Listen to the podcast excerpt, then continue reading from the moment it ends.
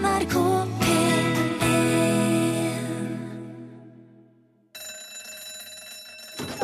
Ja, nå er det lunsj! Dagen i dag er dagen til den kjente helgenen Sankt Homobonus, helgenen for forretningsfolk, skriddere og skomakere. Homobonus kommer fra latin homobonus, det gode mennesket. Det skal vi ikke snakke om i dag. I stedet skal det handle om våre felkede venner, ikke engler, men fugler. Takk til The Beatles eh, og låta And Your Bird Can Sing. God formiddag, kjære radiolytter. Du hører på Lunsj på NRK P1. Vår faste programleder Rune Nilsson er på ferie med den transsibirske jernbanen, faktisk. Og jeg sa det til Nilsson når han skulle dra. Da sa jeg pass på å ha med deg drikkevann og såpe og toalettpapir, Nilsson, for det er det visst ikke så mye av nede i landene, visstnok. Men eh, Nilsson bare mumla noe om 'Tror du ikke jeg har vært utenfor landet før, Osen?' Og der prøvde jeg igjen å imitere herr Nilsson med variabelt resultat. Nok om det. Herr Nilsson ville ikke ha noe råd fra meg på utenlandsturfronten, nei. Som jeg sa i sted, Rune Nilsson er på ferie denne uka og neste. Og dermed er det stykk med undertegnede, som er Are Sendosen. Hei. Nå skal jeg fortelle deg at jeg får jo lønn den 12. hver måned. Og i dag så er det den 13. Og hvis jeg ser på kontoen min, så ser jeg at nei, her er det ikke noe penger. Det stemmer. På tåpelig og uansvarlig vis så har jeg sølt bort alle pengene mine på huslige strøm og regninger. Ja. Og den lille slanten som var igjen etter at de faste utgiftene var dekt, de tulla jeg bort på bleier, egg, yoghurt og fiskepudding. Så jeg har jo bare meg sjøl å takke. Ja, det er jo meg sjøl som har stilt meg i denne situasjonen. Så nå er det bare å suge på labben fram til 12. desember, for da er det halv skatt. Og da skal jeg slå på stortromma og handle inn en sixpack til jul. Og ikke nok med det, men jeg tror jammen at ungene skal få seg en Stratos på delinga òg, i julegave. Uh, uh, da blir det fest i stua, gitt. Dagens eh, lunsjredaksjon består eh, som vanlig av eh, produsent Torfinn Borchhus fra Folldal. Riktig god dag her ifra kontorrommet. Og ifra Byåsen i Trondheim har vi lydtekniker Martin Våge. God dag, god dag. Ikke noe å si på bemanninga, for å si det på den måten. Nå blir det musikk her i lunsj. Her er Vamp, eh, liten fugl.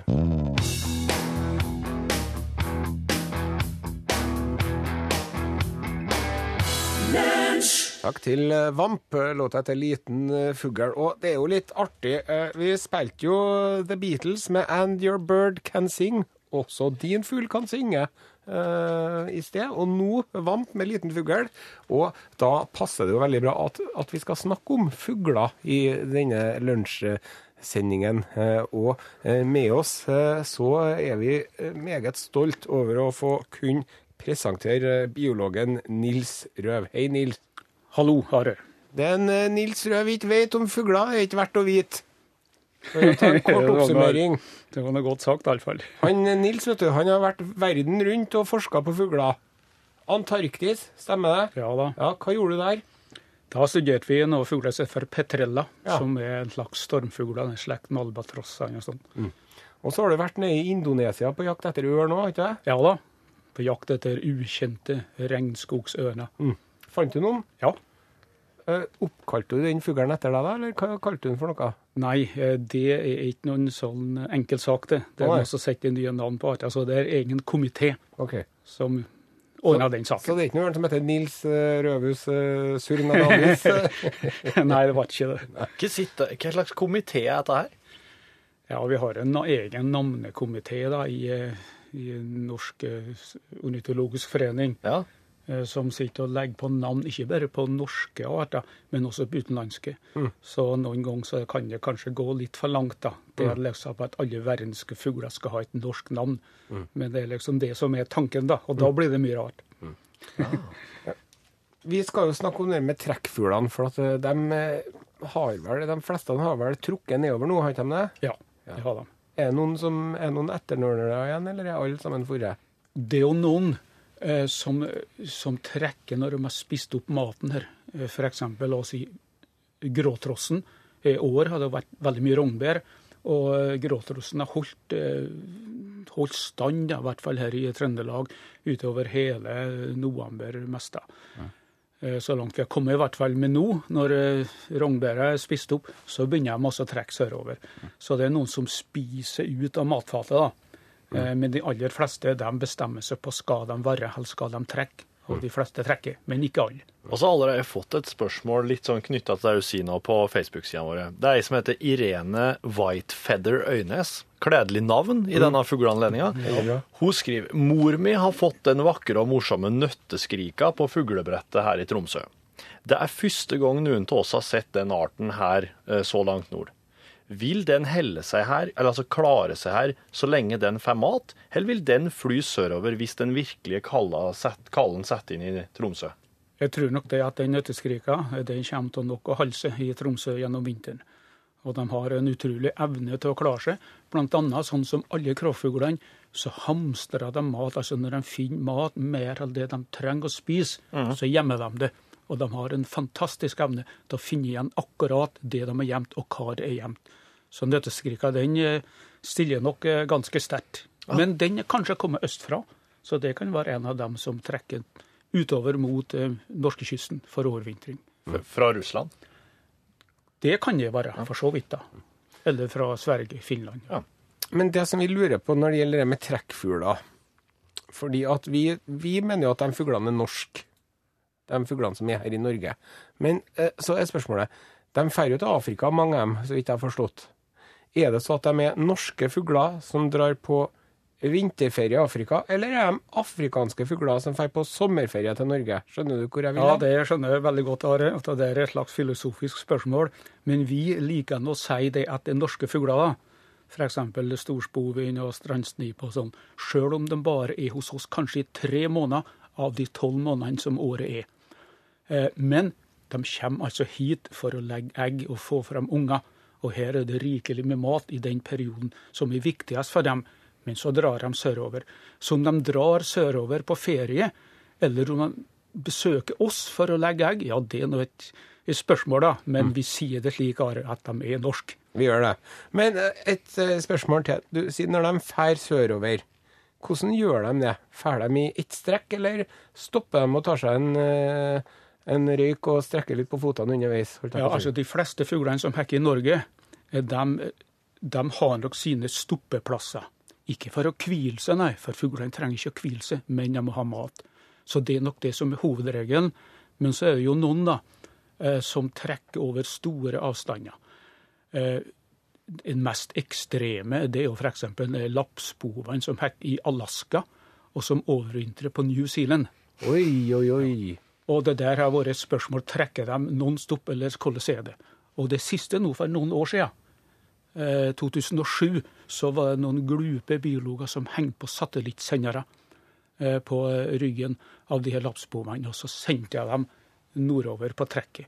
Og da viste det seg det at de fløy non-stop i 11 500 km, helt til de kom seg til det kinesiske Gulehavet. Eh, Så det kan de gjøre, og det er jo en enorm prestasjon.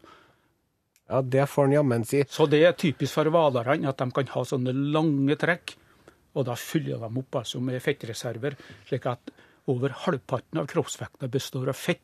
Tenk på det, Are, hvor langt du har kunnet få det. Han eh, Nils Røv skal bli her i hele sendinga, du Nils. Ja. Ja. Så har du et spørsmål om eh, trekkfugler eller fugler, send en tekstmelding til 1987, kodeord L eller en e-post. L krøllalfa nrk.no. Her kommer Keen, 'Silenced by the Night'.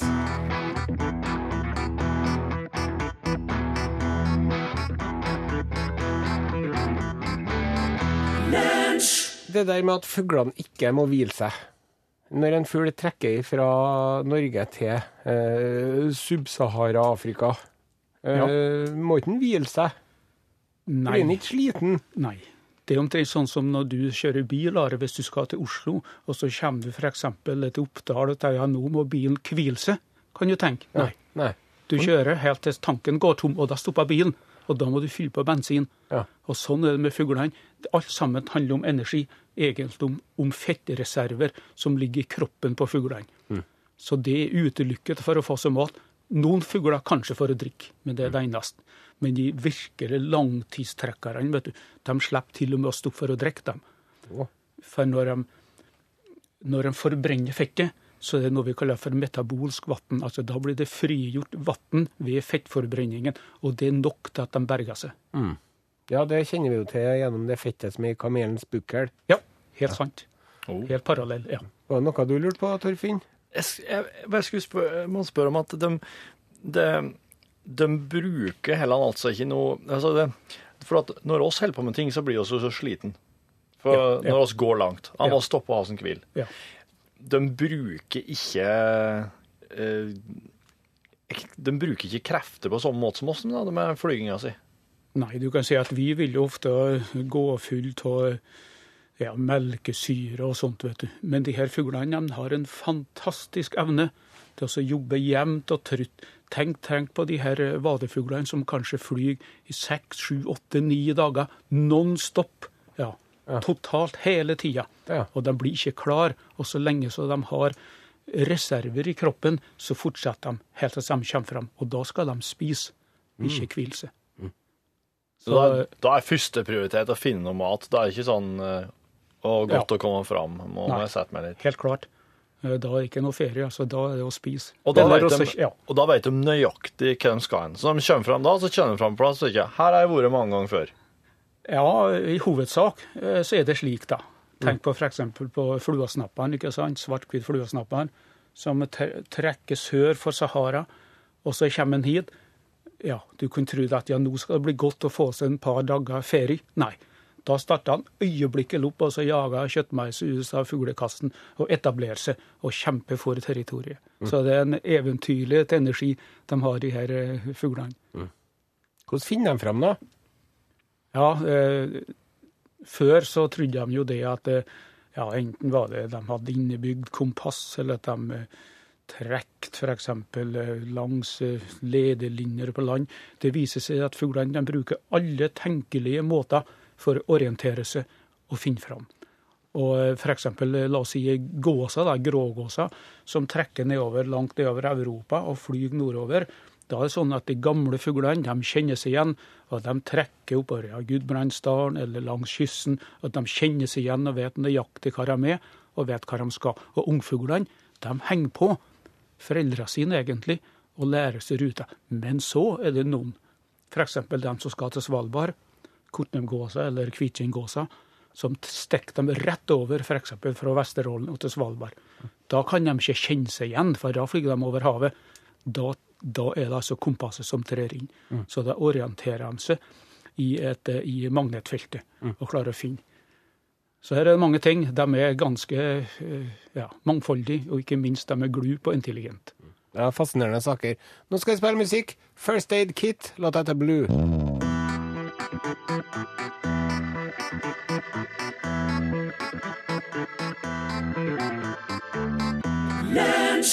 Du Nils, eh, han Steinar Viking har, et, uh, har en liten historie åt deg. Vi var en gjeng sangfugler som skulle grille noen knehøner. Vi hadde invitert noen av gatens løse fugler, men det dukket også opp noen gapatroster. Det ble så mye bråk at vi måtte be snemåka trekke alle vekk.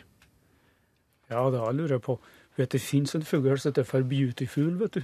Nei! Kanskje det var der, noen der òg? Fins det det? Ja, det gjør det. Beautiful? Ja, som dukker opp i sånne sammenhenger. Du, det er jo altså denne her eh, navneforeninga til ornitologene, det er noe humor ute og går Ja, her. og så another fool, vet du. ja, en variant. Another fool. Ja. Det, det er eh, Men har dere eh, Hva slags vitser er det som går igjen i den ornitologforeninga? Er det disse her? her? Du, det må jeg si det at jeg tror ikke vi har noen vitseklubb i den sammenhengen. Du vet at ornitologene er egentlig ganske seriøse, de, vet du. Og så er de litt sånne som går mye på egen hånd og Ja. studerer. Ja, det er det de gjør. Så det er ikke så spesielt sosiale typer. Nei. Nei. Men hva er favorittfuglen? Har dere noe, er det noen gjenganger favorittfugl blant ornitologene? eller? Ja, altså, jeg som kommer fra Sunndal, da, jeg har jo en favorittfugl, og det er gaptrasten. Det er den, ja. Ja. Ja vel. Den kan være ganske godt utbredt. Hvordan høres den ut, da, Simen?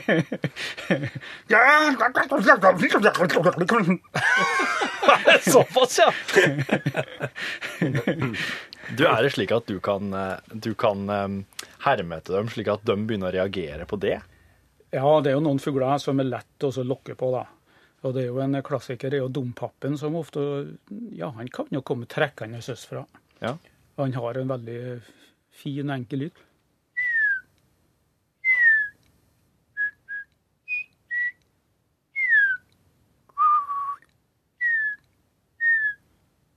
Og det er den mest musikalske fuglen vi har.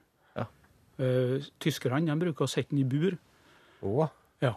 Og, eh, og, de lærer den å plystre. Og ja. det er en av de få fuglene du kan få til å, å plystre melodier. Med rene toner, Ja. terser og kvinter og sånn. ja. Det, det, det, var ikke fra en CD her, det var du som plystra nå i sted, sant? Ja. Få høre en annen fuglelyd som du kan godt, Nils. Ja, eh, du vet at det, det er noen av oss vet du, som ikke liker seg her om vinteren, og vi lengter etter våren, og da er liksom å høre lavsangen oppe i lia vet du, en tidlig maidag.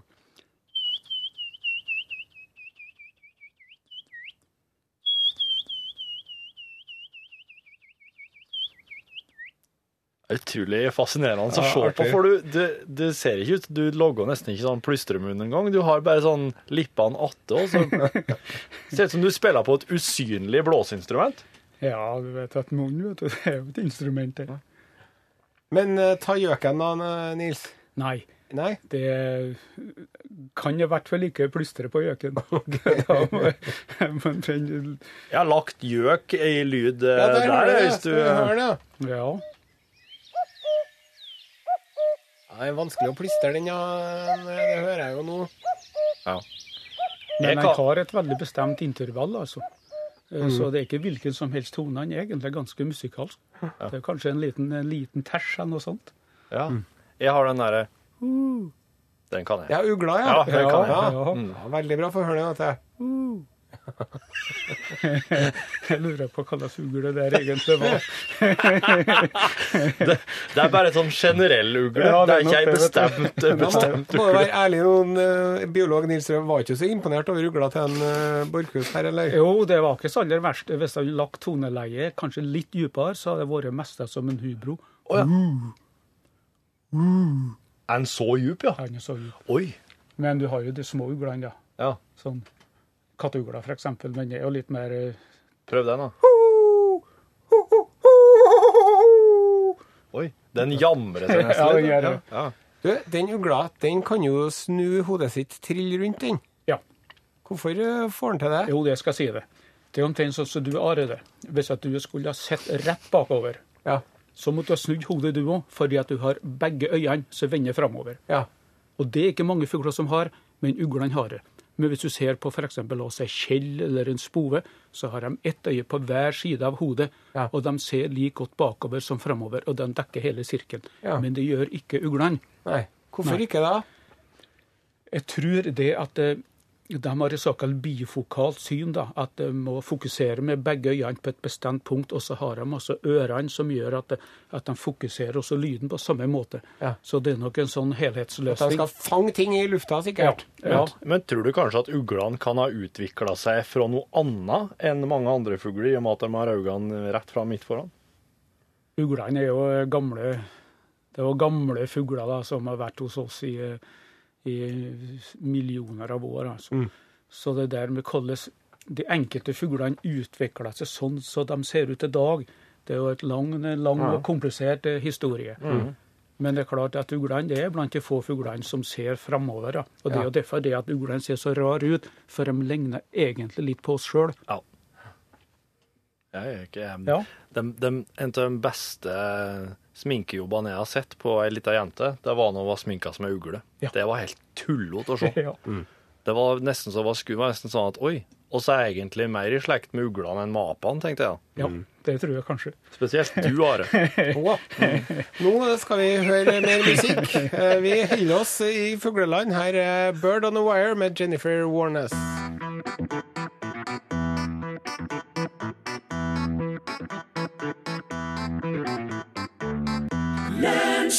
Du har akkurat hørt Jennifer Warnes med sangen 'Bird on a Wire'. Du hører på Lunsj her i NRK P1. Um, og så fått um, Og så har jo fugleekspert Nils Røv på besøk. Det må vi jo si med jevne mellomrom. Eh, Erik på Kongsberg, fra Kongsberg, har sendt inn et spørsmål. Hei, dette er veldig bra radio, skriver Erik. Tusen takk for det. Spørsmål. Har det noen gang vært pingviner i Arktis? Altså før rovdyra kom, står det i SMS-en. Nei, det er klart det hadde aldri vært. Pingvinene utvikla på den sørlige halvkule for mange mange herrens år siden, og der er de fortsatt. Men det finnes noen unntak. Du vet at hvalfangerne vet du, de tok jo med seg reinsdyr til Syd-Georgia. Men de tok også med seg pingviner til Norge, for jeg mente de kunne pynte, ut, pynte opp litt på denne triste kysten vår. Og satte dem ut bl.a. på Lofoten. Jaha. Men de klarte aldri å formere seg.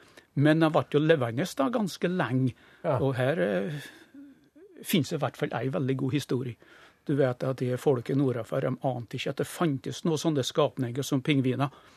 Og så var det en gang at det var ei kjerring som gikk ned i fjæra. Så kom det altså en pingvin ruslende opp fra sjøen og gikk oppover fjæra.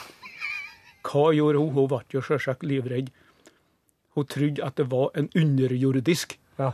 Og så tok hun en stor kjepp og sprang over og slo i hjel odyret. Stakkars pingvin. Stakkars pingvin.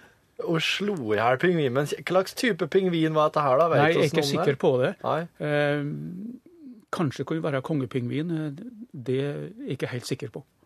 Det, det er ikke så rart at det ikke er pingviner her hvis de blir slått i hjel fordi folk tror de er underjordisk så snart de ser, ser dem gå. Det er ikke rart i det hele tatt. Men det er en stusslig måte å gå på. Ja, du vet at pingvinene, og det er en av grunnene for at de appellerer så voldsomt til folk, at de ligner egentlig mer på folk enn på dyr eller på fugler. For de går på to bein, vet du. Ja. Og så har de sånne luffer, ikke sant. Ja. Eh, Så det er merkverdige fugler. Mm. Selv om de, hvis de har det virkelig travelt, så legger de seg på buken og så pandler de av gårde. Ja. Men oftest så går de. Men har de eh, pels, eller har de fjær? De har Egentlig så har de fjær, Ja. men det ligner på pels. Eh, For fjæra de er veldig spesielle, og når du ser dem, så kan du tro de er pelskledd. Men hvis du rusker opp en sånn fjær og legger den i mikroskopet, så ser du at det er noe ekte fjær. En SMS her sier at um, jeg så nøttekråker i høst i Trondheim. Veldig tam og litt spesiell. Er de sjeldne gjester her? Er de her om vinteren? skriver Berit.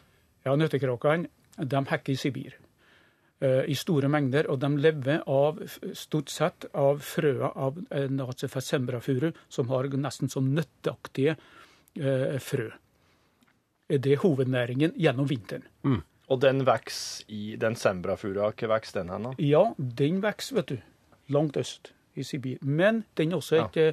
attraktivt hagetre, så mange har planta sembrafuru i hagen sin, bl.a. her i Trondheim. Å, Og de nøttekrafer har seg sånn enkelte år, kan kanskje være 10-15 år imellom, så får vi invasjon av sibiriske nøttekråker fra Sibir. Og i år har vi faktisk et sånt år. Ja. Men så viser det seg at noen få har ikke trukket tilbake. Annet noen som oppdager at her i Trondheimsområdet er det så mye sembrafuru, så hvorfor kan vi ikke overvintre og slå oss til her? Og det er det noen som har gjort. Og da hamstrer de, da flyr de fra hage til hage og plukker ut alle de her nøttene fra, fra furua og flyr inn i bymarka og gjemmer dem. Ja. Det går altså en trafikk att og fram gjennom høsten, og da har de et vinterforråd. Og noen av dem har faktisk slått seg ned og hekka, bl.a. her i bymarka. Et meget interessant fenomen. Og det er altså sibirske nøttekråker. Som ikke må forveksles med den nøttekråka som vi har som hekker på sørlandskysten i Norge, Sør-Vestlandet. Det er en annen nøttekråke som ligner, men ikke riktig likeens. Og den lever av hasselnøtter som den hamstrer om høsten. Hvordan høres nøttekråka ut da, Nils? Ja, eh, Den norske først Ja, og den det- sibirske etterpå. lyden er jo helt lik, da. Men det er jo ikke noe helt enkelt. altså. Sånn, nei. nei, det er så, en slags hes kråkelyd. Sånn Nei, det ble feil. Det er helt umulig. ja. Men de har fall en veldig typisk lyd, så vi kjenner igjen den lyden hver gang vi går i marka. Så hører jeg hva som er nøttekråke, og hva som ikke er gammel hes, vanlig kråke. Um, hei, der står det. Kan du forklare noe om hvorfor, eh, hvorfor noen fugler som f.eks. taksvale blir igjen? Altså at noen eksemplarer blir igjen? Eh, den som sender eh, Kite skriver at hun vet at de trekker helt til det sørlige Afrika. Men det er noen siste som ikke henger seg på. Er det fordi at de vet at de ikke vil klare turen? At de snart skal dø, eller? Nei, det er utelukket en grunn, og det er det at de har en eller annen slags eh, skavank, en skade på vingene, eller at de er syke på en eller annen måte, at de Ja. ikke er i stand til å trekke. For takshvalene og låshvalene de er sjanseløse her i Norge gjennom vinteren, for de lever av insekt som flyr i luften. Ja. Og du kan jo bare gå ut her ute om Tyholt. altså. Det er ikke mye insekt som svermer opp i lufta her nå. Nei. Eh, I den sammenheng, hvor gamle blir fuglene, skriver en fugleinteressert på SMS. Ja, eh, det er jo noen sjøfugler da, som eh, flere av dem er jo registrert 30 eller 40 år gammel. Oi! Eh, Og eh, Så er det papegøyer som blir ganske gamle, Ja. tror jeg. de kan jo bli gamle, ja. Ja. Og så har du jo selvfølgelig albatrossene og kondorene. La oss si en, eh, en albatross, da, der, bo, der dør kanskje 1 eller 2% hvert år, ikke sant? Og det sier seg sjøl at noen av dem blir veldig gamle. Om de blir så gamle som 50 år, det er ikke så godt å si, men jeg skal ikke forundre meg om noen fugler kan bli så gamle. Men de vanlige fuglene, sånn som f.eks. taksvalene og kjøttmeisene og alt det der, ja, seks-sju år kan det bli. De fleste bare to, tre, fire. Er det slik at de største fuglene blir eldst? Ja, i hovedsak så er det sånn. Altså, det er de fuglene som, som tar lang tid for å reprodusere. Ja. Eksempel, eh, eh, ja, la oss si da, en, en albatross da, som hekker kanskje først når de er 11 år gammel, og så legger de ett egg annethvert år. Og det sier seg sjøl at da må de leve lenge. Så det har en sammenheng med langlevende fugler. Det er de som reproduserer seg seint. Ofte er det store fugler, men ikke bestandig. Vi har sånn som lundefuglen, ikke sant, som hekker ut på kysten. De kan bli gladelig over 20 år, altså. Lundefuglen er en sånn slags norsk papegøye, ikke det? Ja, eh, nebben er jo merkverdig, ja. Så det er jo noen som sammenligner henne med papegøye. Men eh, Er papegøyen noe særlig interessant fugl for ornitologene? Eller er den liksom så Er den i dyrebutikken, den bryr oss oss ikke med? Nei, den er jo bestandig når ornitologene drar utenlands, eh, så er det jo, eh, det er jo stor stas hver gang de får se ville papegøyer. Så jeg husker sjøl når jeg var i regnskogene i Indonesia, det å få se papegøyer. Det var et eventyr. For ikke å snakke om når du kommer ned til ja, Amazonas eller i Brasil og regnskogene der og får se de store arapapegøyene, som er en halvmeter lang, ikke sant, og vi er vant til å se som, eh, nærmest som husdyr. Så plutselig får du se dem i vill tilstand. Det er jo fantastisk for enhver ornitolog. Og da får du se det at fugler som vi har i fangenskap, i vill i naturen, så er det kvikke og livlige fugler.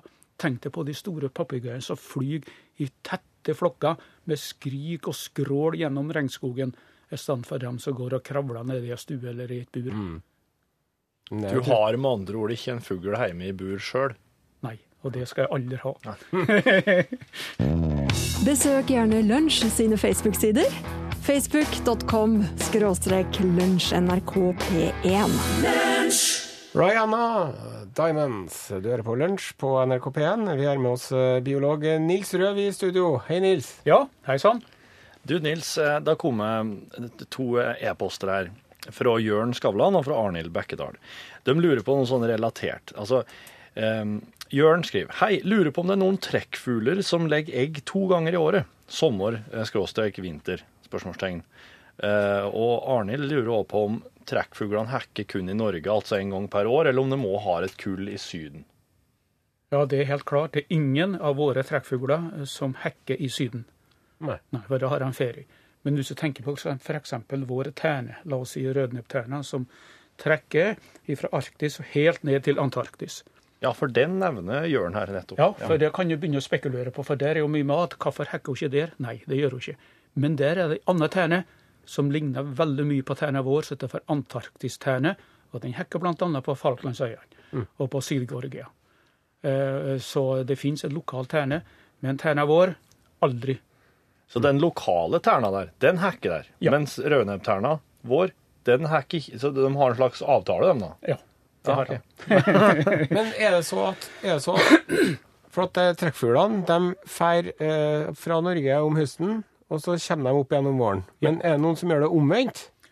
Det er noen som, eh, som trekker vestover, for du vet, norskekysten han er isfri, og det skal han egentlig ikke være på de breddegradene som er. Og det er klart det er mange som trekker vestover, og noen trekker vel også nordvestover. Og tenker på sånn som Sidensvannsvann nå, som oversvømmer Norges land. Og eh, mange av dem kommer egentlig, eh, la oss si, sydøstfra, da, så de trekker mer mot nordvest, mot norskekysten. Så det er viktigst å komme seg en plass der det er mat å finne. Og enten så det kan være bær, sånn som rognbær for sidensvansen, eller det kan være mat for sjøfuglene som kommer hit for å overleve på isfrie kyster. Så det er maten som eh, er avgjørende. Du, eh, jeg syns det var så artig når du drev og plystra litt eh, fuglelyder. Kan ikke du rive av deg noen flere, Nils? Ja, du vet at eh, tidlig på våren, vet du, og våren, når er det han starta?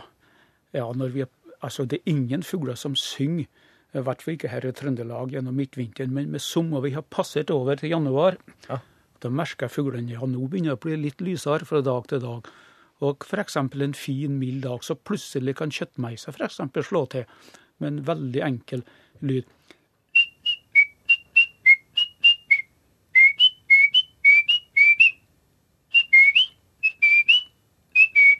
En sånn skarp, metallisk klang. Da vet vi det. Nå blir det snart vår. Ja. Og hvis vi venter enda litt lenger, kanskje ut i februar-mars, så er det granmeisa da, vet du, som begynner på.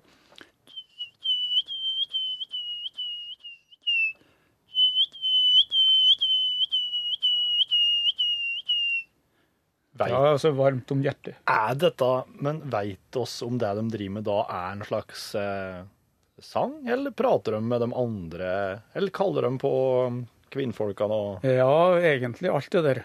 Men det er jo først og fremst for oss å markere territoriet, da. Men det er klart at kjøttmeiser, de har, hver kjøttmeis har sin egen måte, sin egen strofe, som er litt forskjellig fra naboene. Ja. Så kjøttmeiser kjenner alle naboene sine på sangen. Ja. Så hvis det f.eks. En, en kald morgen, så er plutselig den ene naboen borte. Ja vel, da utvider territoriet. Hei sann, her var det ledig plass. Ja. Så det å så være på plass tidlig på morgenen på våren og markere territoriet, det er helt livsnødvendig. livsnødvendig. The early bird gets the worm. Ja, det er slik det. Eh, Svein Olav Meistad skriver Stemmer det at det har vært lite med stær i år? Og i så fall hvorfor det? Ja, det er helt riktig. Stein har gått betydelig tilbake, la oss si siste, i hvert fall de siste ti åra. Eh, kanskje tidligere òg. Og det er mange som spekulerer på grunn. Og, eh, og stærflokkene de trekker kompakte flokker, mange av dem over Nordsjøen til England. Og det er jo noen som lurer på om de her installasjonene med de her eh, boreriggene som har lys gjennom natta, at de er farlige. Vi vet at noen ganger så flyr stærflokkene inn i de her gassflammene. Så det er mange farer, og vi vet jo når du ser den her enorme mengder av kraftlinjer og vindmøller nedover i Europa, så er det hasardiøst altså så trekke nedover så langt som til Frankrike. Det kan være en årsak, men også noen som mener at kulturlandskapet her i Norge er blitt utarma, og at de har kanskje ikke så lett for å finne seg mat i god mat i hekkeperioden. Så mange muligheter, men stein har definitivt gått tilbake, dessverre. Jeg tror vi skal spille ei låt, jeg. Ja. Her kommer Unni Wilhelmsen. Won't go near you again. Send e-post bokstaven L for lunsj. Krøllav fra nrk.no. Da sier vi takk til Unni Wilhelmsen, og så sier vi hei til en Pål Plassen fra Norgesklasse. Hei, Pål. Hei, Are. Hei. Du, kan jeg også kaste meg opp med et spørsmål til Nils? Klart du kan. Så, så bra. Du, eh, Nils, tror du at fugler eh, kan vise kjærlighet? Ja, eh, ja, jeg vil kanskje tro det. Ja. Eh, La oss f.eks. ta sånne her som eh, sangsvaner, eh, som kommer trekkende østfra. og Noen av dem hekker også i Finnmark og nedover i Norge, men som overvintrer hos oss. da. Og Når de kommer hit, så er de sammen med familien sin. Det er altså et par, og så er det unger. De er litt mørkere, men like så store. Og sangsvanner de holder sammen i, eh, i livsvarige ekteskap. Eh, bestandig det samme, og som holder sammen på trekket og på overvintringen og bestandig. Og eh, når den ene av dem f.eks. Dør av en eller annen grunn, da blir den andre bare sittende igjen, altså. Ofte på plassen og sitte nærmest og sture og ha det vondt. Så der tror vi nok det at det er noen følelser. Så bra. Det skal nemlig handle om dyr og kjærlighet i Norgesklasse i dag. Petter Bøckmann er på besøk. Ja. Han har vært kloke ord når det gjelder livet i dyreriket. Og du som lytter på NRK P1 kan stille spørsmål til han allerede nå med kodeordglasset til nummer 1987.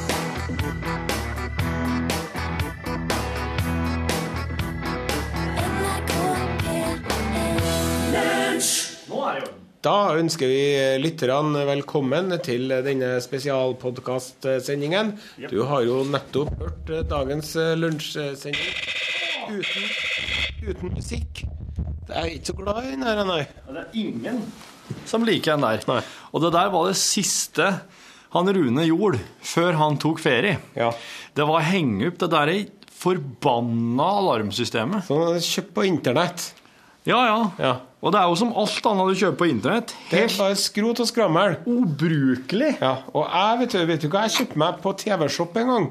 Jeg kjøpte meg en sånn Den het for Magic Bullet. Det er ikke det du tror det er? Nei. Eh, Men det er en slags uh, ministavmikser. Ja vel? Men som er opp ned. For at det som er med stavmikserne, hvis du har den opp ned, så er det jo sånn at ting detter ned på knivbladene hele tida. Så egentlig en genial idé. Men den eh, gjennomføringen der elendig. TV-shop, det er noe dritt. Så det, det var en, det var en eh, stavmikser som hadde et slags eh, glass eller et beger oppå oppå seg. seg. Som du står sånn, så detter jo tingene med, vet du. Og det var helt mislykka. Ja, det var helt fullstendig mislykka. Og eh, så har jeg også drevet og kjøpt meg sånne billige batteriladere til telefonen min Ja. fra Hongkong, vet du. Ja, ja, ja. Og det sa jo poff med den en dag, da. Ja. Så jeg skal være litt forsiktig med å legge ut dem om eh, kvelden òg. ja. Nei, internett det er bra til mye, og en fenomenal oppfinnelse. Og Ja. det er jo artig å kjøpe seg bøker på, og filmer og spill og sånn. Jo da. Men det er ikke alt som er like bra, nei. Nei, og det er også slik at eh, han Rune han er sånn veldig eh, Han, er sånn, han kjøper seg bare han kjøper seg bare de unyttige tingene på internett. Han kjøper seg ikke de nyttige tingene. Så når og handler på nett, så vet jeg at da kommer det sånn her gummihestehugge. Så kommer denne her, her dette her torturinstrumentet Ta her. nå inn Ikke, ikke, ikke. Å, ikke, ikke. Nei. Oh. Uh, Eller noe annet drit, da. Eh, men uh, mens jeg, eksempel, kjøper meg kanskje ti truser som jeg vet passer veldig bra. Gjør du? Ja. På internett. På internett, ja. Jeg kjøper meg sko på internettet. Ja, men så for du bomma har- jeg bare, for at de hadde ikke de skoene jeg skulle Det er de her, For du har så lange tånegler, har du ikke? Nei, men det som var at, at jeg tok For at så var det sånn europeisk størrelse, amerikansk størrelse, fransk størrelse, så jeg endte opp med sko som var ikke nummer for stor. Ja vel. Men det passer bra om vinteren, da, for da har jeg tjukksokker oppi der. Ja. Og disse der, der Nei, de er ikke vanntett, ser jeg, men Nei. de er vel eh, er- vannavstøtende. Nå jeg vet ikke heller, hvis jeg hadde imponert dem med sånn impregneringsmiddel. Du må imponere dem en gang for uke, har jeg hørt. Nei, men du, vet du hva, jeg hadde på sånn uh, imponeringsmiddel her. Ja. Og når jeg gikk ut, da, da ble jeg impregnert, altså, for det var ikke noe mye vann som kom gjennom der, nei. Nei, det var ikke det. oh, oh. Det er slik eh, ordgyteri. Ja, ja, ja, ja, ja, Det er det vi eh, holder på med her. Nei, men det som skjer nå, da, Ja. det at jeg skal Jeg har en tannlegetime klokka kvart på ett til dattera mi. ja. Så eh, det er ikke sånn at det begynner å bli prekært, men jeg må dra ganske snart, da. Og vet du hva, hun dattera mi elsker å dra til tannlegen. Hun syns det er så, Så bra, artig. så Hun bra. gleder seg sånn til å dra til tannlegen. Men hun har sikkert en veldig bra tannlege.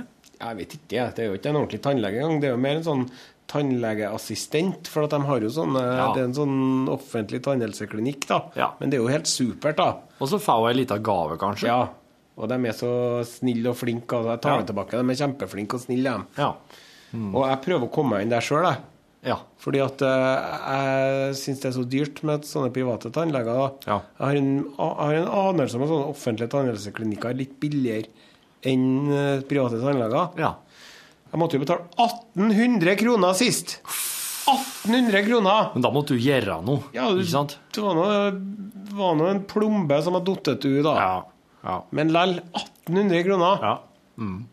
Det er stivt. Ja. Og det var jo fordi jeg, var, jeg, er jo- grådig, vet du, så jeg lurte på om jeg skal ha bedøvelse. Drev og telte litt på knappene. Men jeg gikk for bedøvelse, og det er jeg jo glad for at jeg gjorde, for så vidt. Kan du velge det? At du Ja. ikke vil ha det? Du sier, jeg vet du, Det gidder ikke jeg å betale. Du får nok penger til meg, du. Å, Dæven om. Det hadde sikkert vært Det ser jeg for meg må være veldig vondt, da. Ja, Men det er jo ingenting mot far min, vet du, fortalt. Når han var, gikk på Strindaskolen her Ja. når, det er jo, Han er jo 80 år nå, han Gunnar, da. Ja. Men når han gikk for en 65-70 år siden, når tannlegen kom, Ja. så hadde han med seg et bor. ja. Og det var samme som, som, som, som på sånne symaskiner før i tida. At det var en sånn pedal Ja. på gulvet som en trykk på, Ja. som gjorde at eh, boret gikk rundt, vet du. Og da var det om å gjøre å komme inn til tannlegen tidlig på morgenen, gitt. For at han ble sliten utover dagen, vet du. Ja. Så den siste pasienten før han ga seg, det var sånn at bare gikk bare sånn Om morgenen gikk det sånn Ja, ja, ja, Så det skal. som dagens Men så utpå på ettermiddagen så var det sånn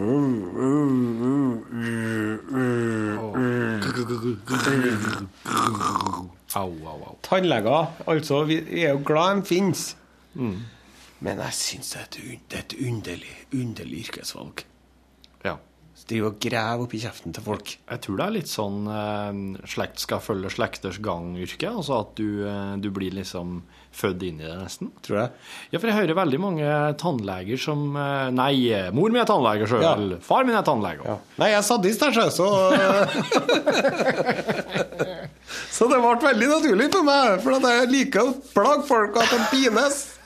Jeg liker å se øynene deres Ja, når det er Frykten. Jeg tenkte jeg skulle utfordre deg på det, bare for å gjøre det litt spennende for den som hører på, og, og for meg sjøl òg, for den del at når du må gå nå, så kan du bare ta han under redaksjonslokalet her, og så si Har du et kvarters tid? Ja, gå inn og bli med på bonuspodkasten. Ja, men greit, ja. Ja, send inn den. Så skal jeg ta den på strak arm når noen kommer inn her. Så skal jeg følge opp og kjøre litt sånn portrettintervju. Ja, lykke til ja. God lykke til, da! Mm.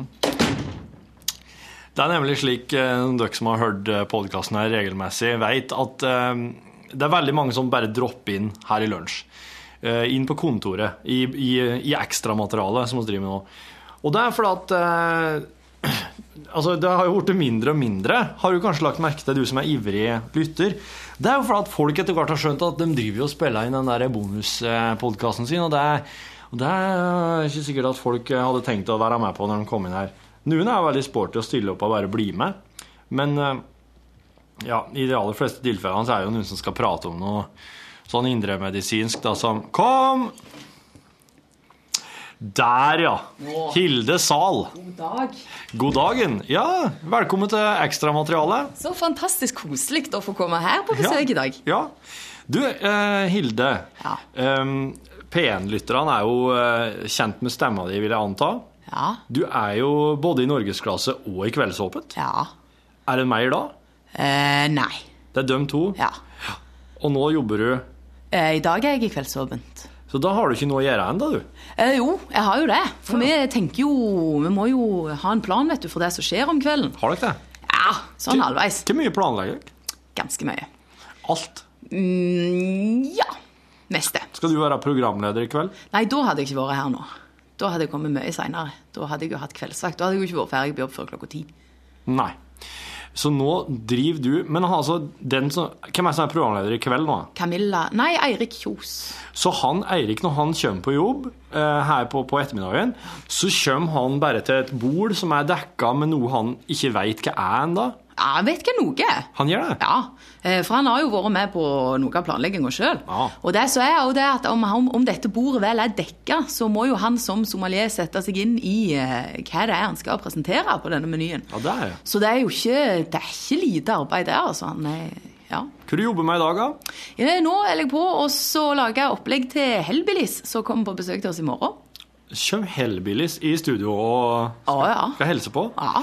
Er det i anledning noe spesielt? Det er fordi at de har sluppet plata, og så har de 20 år som artister. Så de skal ha den vidle greia på i Spektrum. Oh, Ja, Rita Eriksen skal være med. Hellbillies, Ja, det var jo hun som vant eh, Stjernekamp. Mm. Eh, har, visste du det at Hellbillies skriver alle låtene sine på engelsk først? Nisj. Og så oversetter de dem?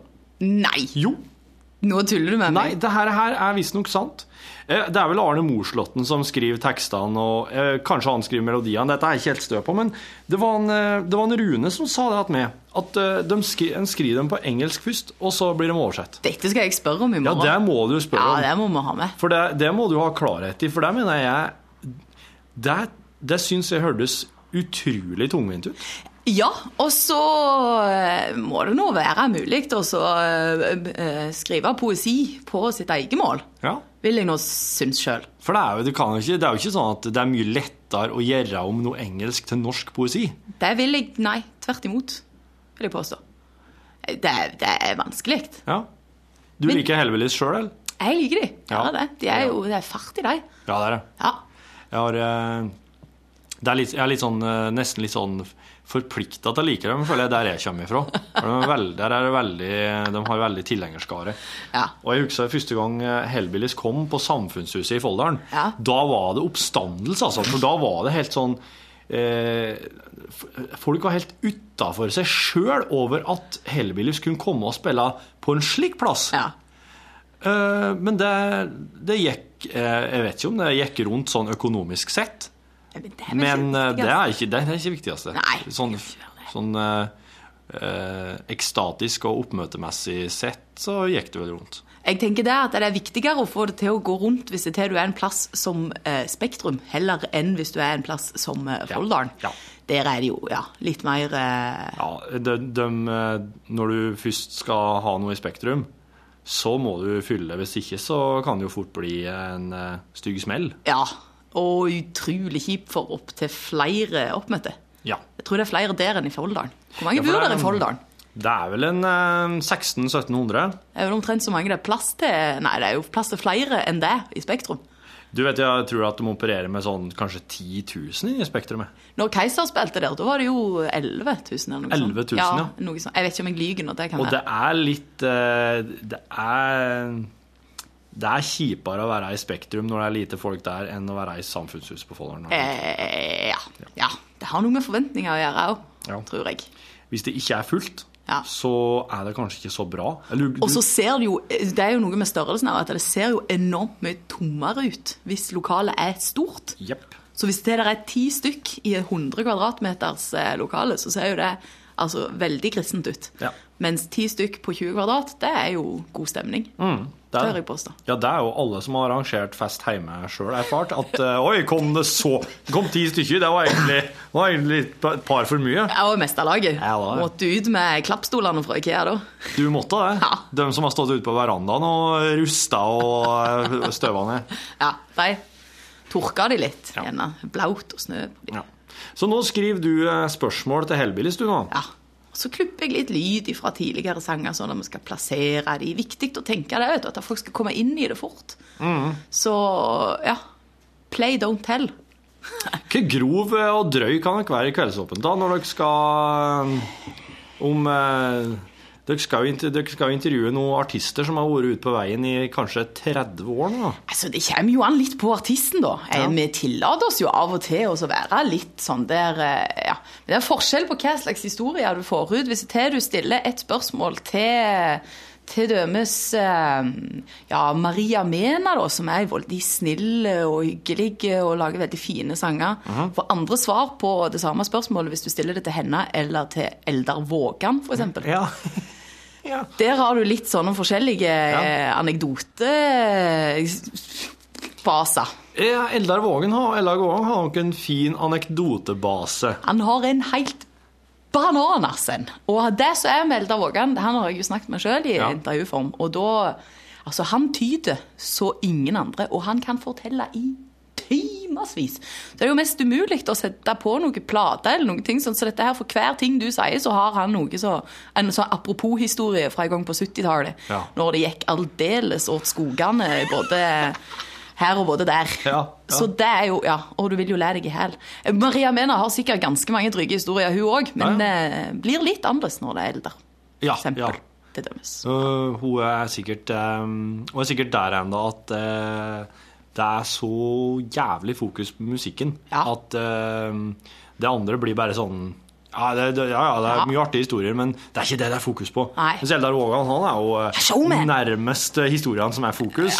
Ja, ja, vet du hva. Ja, han er jo helt fantastisk. Rent historiemessig. Ja, du uh, Nå er dere jo sikkert mange som sitter og forbereder Kveldsåpent. Ja. Ikke så mange i dag. I dag, ja. I dag er det bare meg. Men i Kveldsåpent i kveld, da? Skal dere ikke ha noe i kveld, da? Jo da, klart vi skal i kveld. Mm, men det er jo klart. Det må det jo være. OK.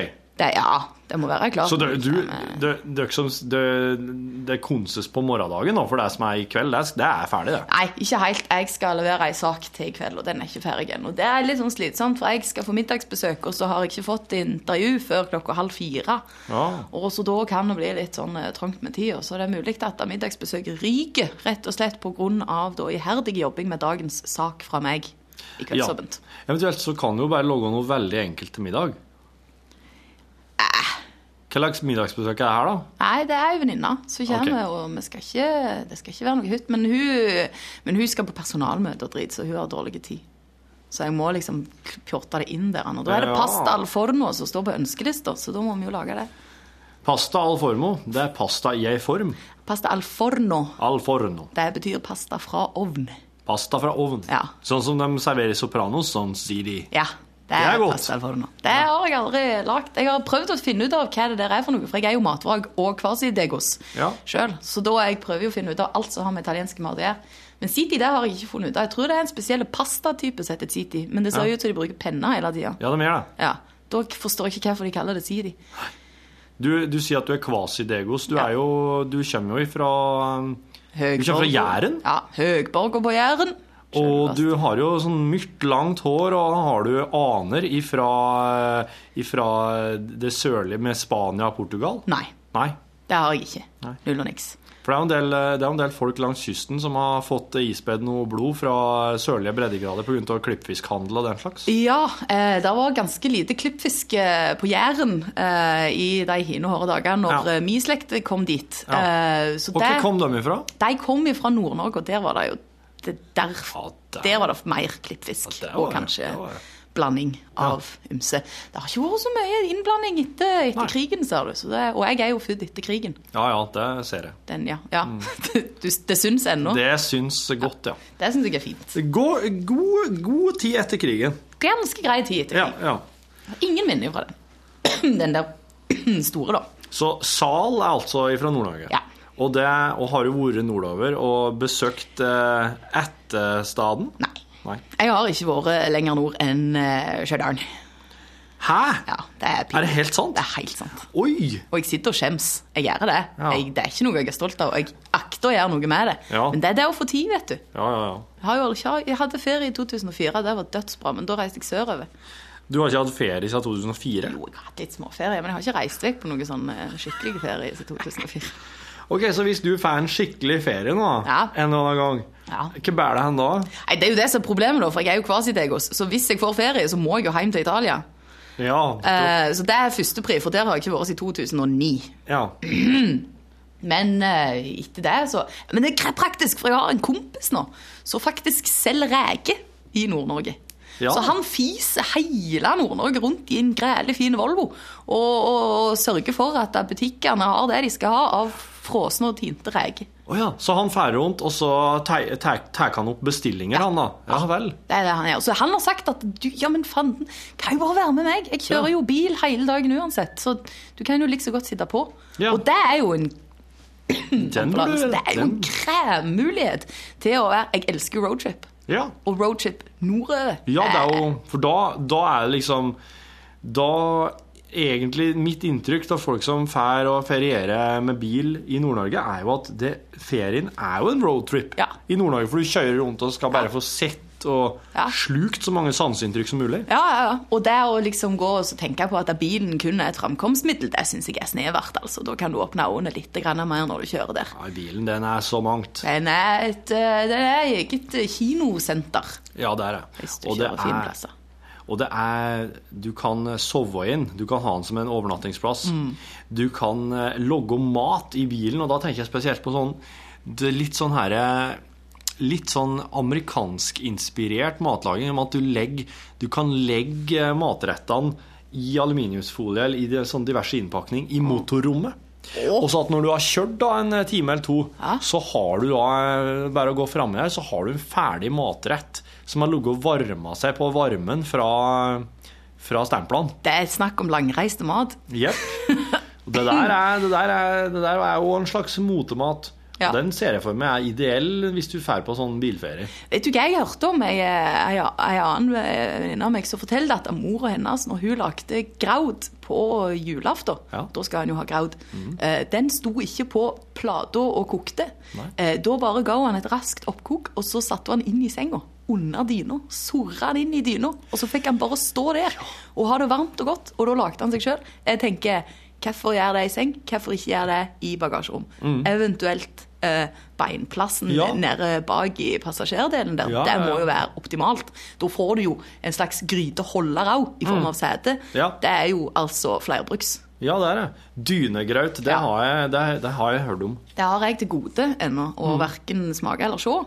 Eh, men det, det er jo spennende. For det er, sånn du, det er slik du kan eh, Og tenk så varm dyna blir når du da skal legge ja, deg etterpå. Hæ? For når du har spist en kjele med graut, så må du bare legge deg etterpå. Da har du en hvil. Eh, Ja. Da har du fem minutter på øret, som er obligatoriske. Du, legger, du koker opp litt, rann, du gir den et kjapt oppkok før du drar på jobb om morgenen. Ja. Legg den i dyna, Ja. kjøm hjem og et. Ja. Ferdig. Middag ferdig. Da hadde du ikke hatt sånne problemer som meg vet du, når du skal lage pasta til folk. og så Skulle, skulle tenkt på det i dag tidlig. Jeg skulle bare satt grauden i senga. Ja. Den sit, men den sit-igjen, den er jo du, du eh, tenker jo bare sånn at du skal logge en sånn her, eh, en tomatsaus med, med kjøttdeig oppi. Den der, der. Og så, koker du opp penne, pennerør. Og så når du har begge de tingene klar, så er det bare å ha i en felles kjel eller ei form, og så rører du det i hop. Og? Og så Der setter du om Der fins jo helt bananas enkle måter å lage dette på. Mm. Og dette her kan være krisemat. Nå kan jeg komme med et lite sånn koketips til deg der ute. Kjære podkastlytter, vet ikke hvor du er henne nå i middagsløpet. Nei, det- Men eh, det som går an, det er at du bare koker opp den makaronien du vil ha, om det er pann, penne eller Mm. farfall eller hva det skal være. Eh, koke opp, og så har du klart den ildfaste forma. Mm. Når det er kokt, så bare kyler du det over. Så tar du en tar du et sånt glass da, med sånn saus. Det er jo enkelte av de som Ja, ja, ja. er helt skrekkelige. Ja. Fis over det. Har oppi noe oppkappa skinke, hvis du vil. Eh, noe frosne grønnsaker, så du bare liksom separerer. Og så bland, bland, bland. Og så ost. Masse ost. Og hemmeligheten til god pasta al forno er tre typer ost. Så da skal du da, etter mitt, min oh. smak, så skal du ha parmesan, mozzarella og jarlsberg, for de gir mest smak. Og da, altså, da, da snakker vi eh, noen tilstander i munnen som kan minne om eh, ting som skjer i senga, som ikke omhandler grytekoking. Ja, og den slags, ja. Ja, eh, og det er altså steike godt. Og så bare etter du har blanda alt dette her sammen, oppå med denne her osten som gratineres, smell inn i ovnen, halvtime så er det middag. Det var Det, det mener jeg Nå, nå syns jeg kanskje at du, to, du fant fram til en løsning på eh, din egen middagsproblematikk. Ja, problemet er jo det at han må jo stå en halvtime i eh, ogen, og så tar det gjerne ti minutter å koke den pastaen, så du må jo berekne 40 minutter før eh, gjesten kommer. Men eh, ja, nei, det er, et er takknemlig og enkel mat å lage, og så er det helt åndssvakt godt. Det er, jo, det er jo lite i denne verden som blir ringt, hvis, altså dårlig, hvis til du har tre typer ost i. Ja, det er sant. Det, ja, du Altså, Jeg kan ikke komme på en eneste ting, jeg. ikke jeg heller. Eh, tvert imot, alt blir bare bedre Ja. jo mer ost du har i. Ost og bacon. La det være dagen La la det være siste ord i, i dagens bonusmateriale. For en ære. Ja. Ja. Alt blir bedre med ost. Uh, alt blir bedre med tre typer ost. Alt blir bedre med tre typer ost. Hilde Sahl, tusen takk for besøket. Det var så gildt, det var så gildt. Og da, og da stopper jeg en her nå og sier tusen takk til deg som lasta ned podkasten. Ja, takk. Takk.